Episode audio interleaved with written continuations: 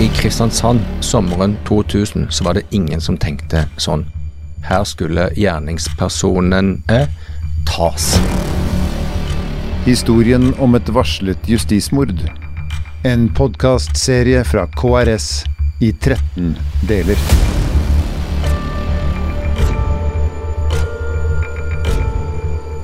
Del 1. Det at man endte opp med to gjerningsmenn når man kun har eh, beviser fra én person, er jo en eh, gåte. Og noe som vil være sentralt i granskninga av eh, Baneheia som det offentlige skal gjennomføre. Men jeg har jo prøvd i boka mi å se litt på ulike kilder for å finne ut hva som faktisk skjedde. Eh, Det var jo en eh, ekstremt stor eh, rundspørringsrunde, og det viser seg jo at etterforskningsledelsen med kriminalsjef Arne Pedersen og Kripos utsendte sjef Asbjørn Hansen veldig tidlig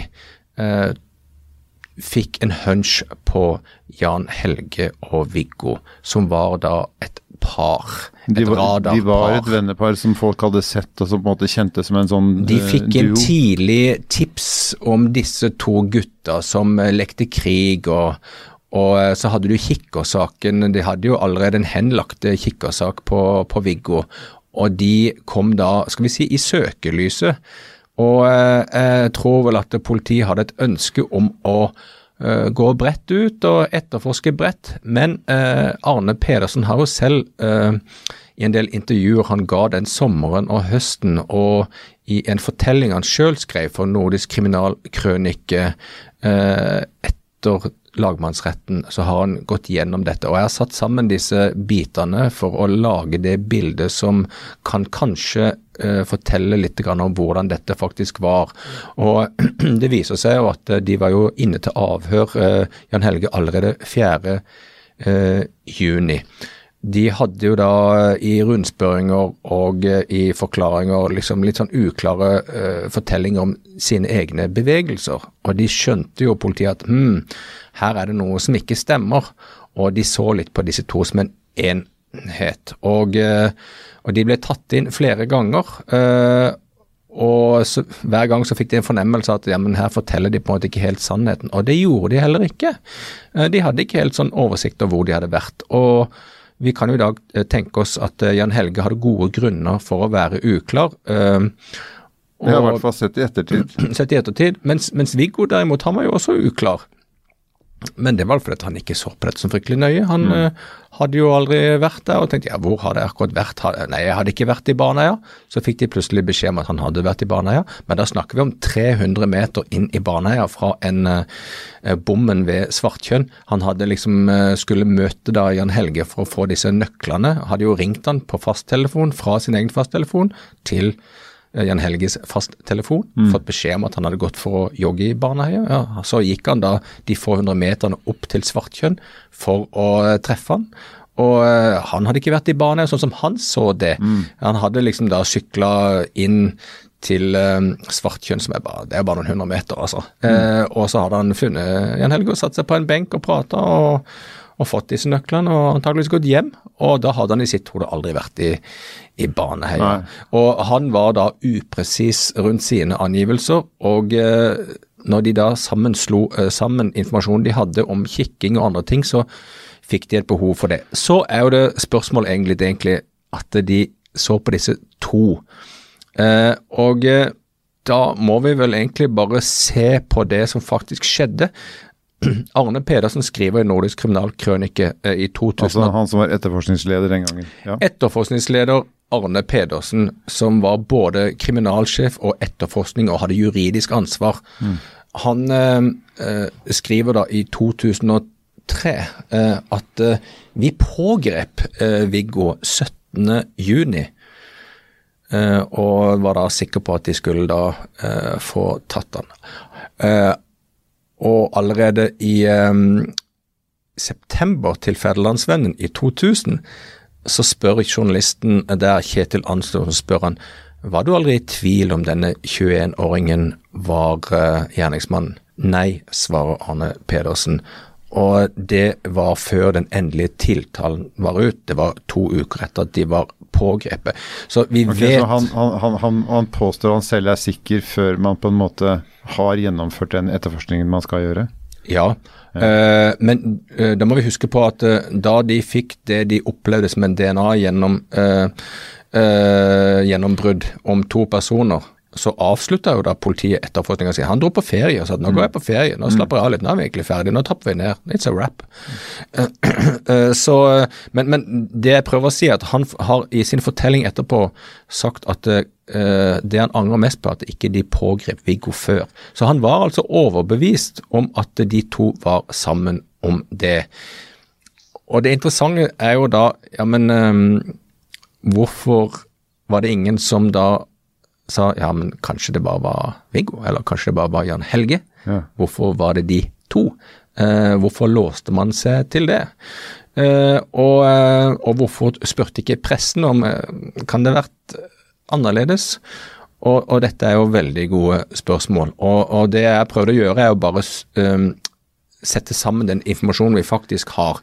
Og det er nå iallfall sånn at de var inne til AV flere ganger. De fant eh, at den informasjonen de ga ikke stemte. Eh, og de bestemte seg 14.07 etter at de hadde gjennomført en eh, De hadde konstruert en siktelse ut ifra en kikkersak. eh, fikk eh, full tilgang til bua var, var på Viggo tidligere? som var på Viggo, som de da tok opp for å få en, eh, det vi kaller en rettslig eh, grunnlag for Ja. å kunne gjennomføre en ransaking på bopel. For det er litt viktig å vite her at han var jo ikke noe ubeskrevet, uh, uskyldsrent blad, sånn sett Viggo Kristiansen i utgangspunktet. Var Nei, Viggo var jo gatas skrekk, skrekk og Ja. kjent for alle på, på Eg, eh, og hadde hatt en enormt vanskelig barndom. Så dette var jo på en måte og, og oppvekst, eh, så, eh, og hadde også gjennomført eh, Han var kanskje lett å henge tingene på. Ja, ja, ja, ja.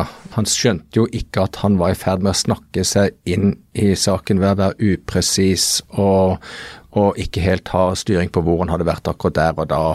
Han da oppførte seg som en vanlig ungdom som var uskyldig, Mm. istedenfor å skjønne at uh, her må jeg være uh, presis og pinlig nøyaktig. Han var jo på en måte da heller ikke uh, sikta for Baneheia, han var inne til avhør. Så, Men det sier kanskje litt om hvordan man prepper en person også, da, sånn for ettertiden sin del. Altså, Som du sier, han var en vanlig ungdom som så på seg selv som uskyldig, og tok, tok for lett på dette.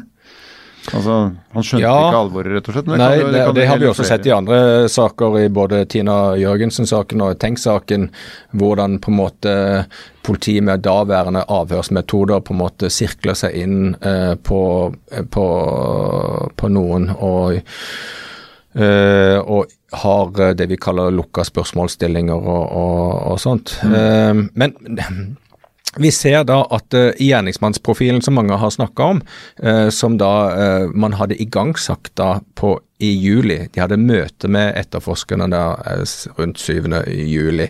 Men da vet vi jo da fra ettertiden, når jeg har gått gjennom dette, da har jo allerede etterforskningsledelsen er ganske tydelig fornemmelse av hvem som egentlig står bak. Og de hadde jo en god hunch.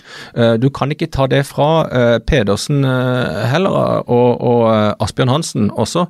De hadde en god hunch på at de var på rett spor, og de var jo på rett spor. Mm. Jan Helge Andersen var jo skyldig.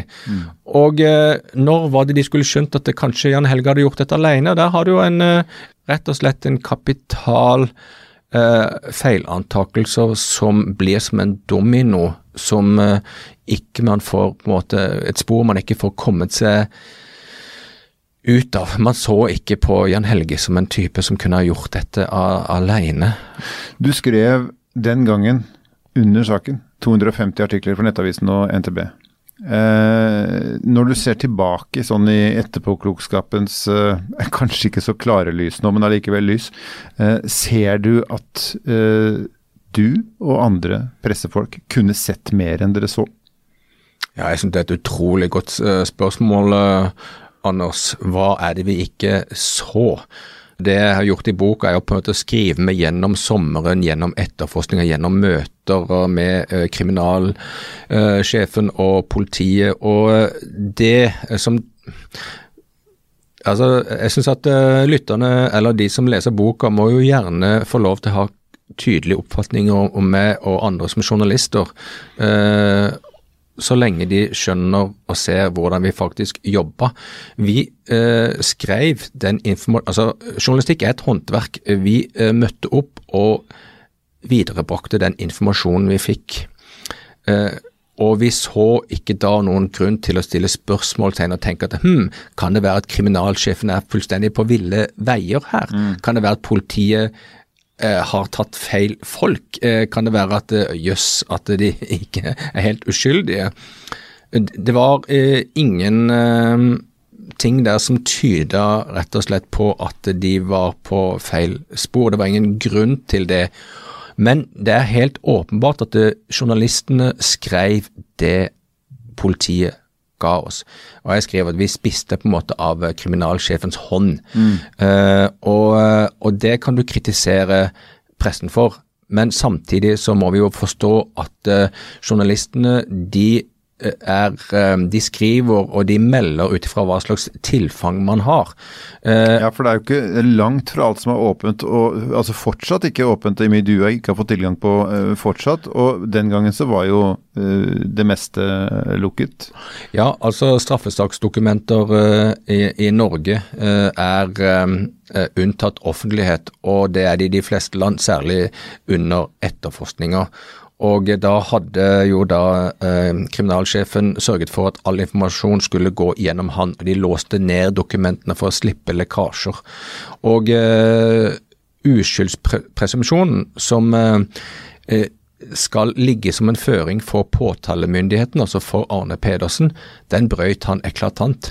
Ja, ja for det, det, det, det bare å ta det på sånn ordentlig sånn lekmannsspråk. Altså, du er, skyldig, du er uskyldig inntil det motsatte er bevist. Ja, altså det heter seg jo da at man skal etterforske en sak til gunst og ugunst. Mm. Man skal ha fram det hele bildet. Uh, i, uh, I Kristiansand uh, sommeren 2000 så var det ingen som tenkte sånn. Her skulle gjerningspersonen eh, tas. Mm. Eh, og når man hadde to i kikkerten, så ja, så skulle man pliktskyldig også gå bredt og se på andre biter, som Arne Pedersen eh, kalte det. Men det er jo ingen tvil om at eh, når de da eh, fikk lock on target, eh, så var det ikke noe til ugunst som ble sjekka ut. Alt handla om det. Og eh, allerede den våren 2000 så gikk Riksadvokaten ut med en egen instruks eh, for politiet, påtalemakten og mediene. Og der het veldig tydelig at man skal eh, omtale de som uskyldige inntil dom foreligger. For det var en diskusjon i dette. Det at Arne Pedersen så tydelig brøt dette, omtalte de to som skyldige, at de visste hvem det var og mm. var ferdig med mm. etterforskninga. Dette var en selvfølge for Dette dem? var en selvfølge.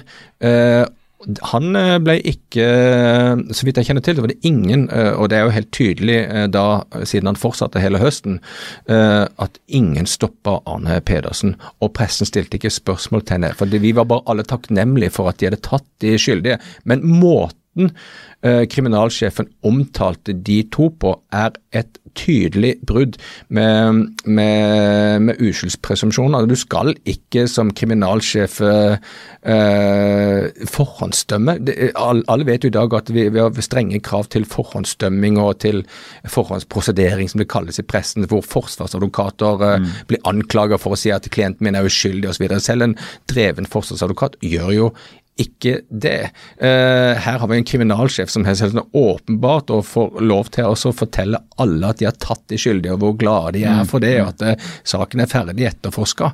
Uh, og det er ganske utrolig at han fikk lov til det. Det er ganske utrolig at ikke det var noen motstemmer. Og så kan du si at den diskusjonen om hva vi journalistene skulle gjort Ja, for ja. altså, Den kritiske presse har jo en rolle her. I dag så er alle veldig enige om hva pressen skulle gjort mer. Eh, den gangen så var alle enige om at pressen skulle gjort mindre, skulle mm. grafsa mindre. Mm. Altså Vi lever i to ulike verdensbilder. Og det viser jo igjen fortellingens kraft. At den fortellingen som til enhver tid gjelder, eh, de herskendes tanker er de herskende tanker. Eh, og eh, pressen da var pålagt å ikke grafse for mye i saken fra sine redaktører, fra samfunnet, fra bistandsadvokater, fra statsadvokaten, mm. fra absolutt alle. Eh, vi fikk beskjed om å skrive lite detaljer og skåne samfunnet og eh, minnene til jentene og de etterlatte, og eh, ta på dette forsiktig. Så man gikk rundt på gummisåler for å dekke denne saken eh, så godt man kunne. Og vi visste jo da, visste i gåseøyne, eh, at man endelig hadde fått tatt de to som sto bak.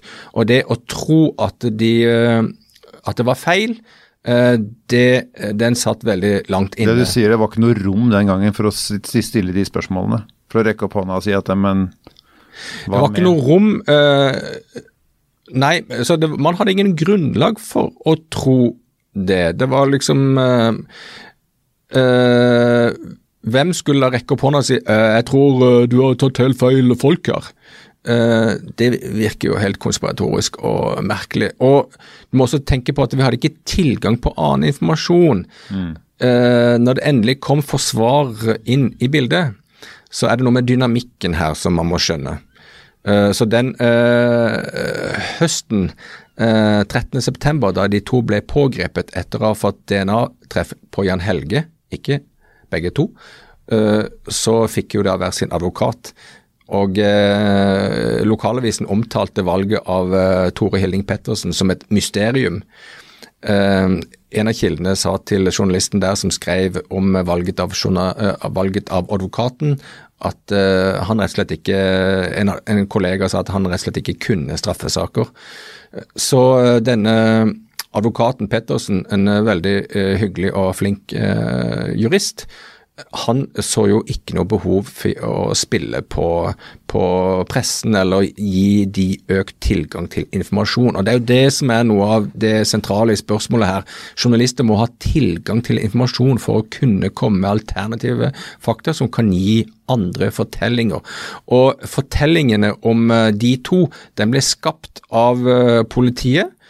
og pressen, forsvarere, samfunnet og andre hadde ikke grunner for å rikke ved den fortellinga der og da. Og det er jo eh, veldig essensielt i forståelsen av dette. Historien om et varslet justismord. En podkastserie fra KRS i 13 deler.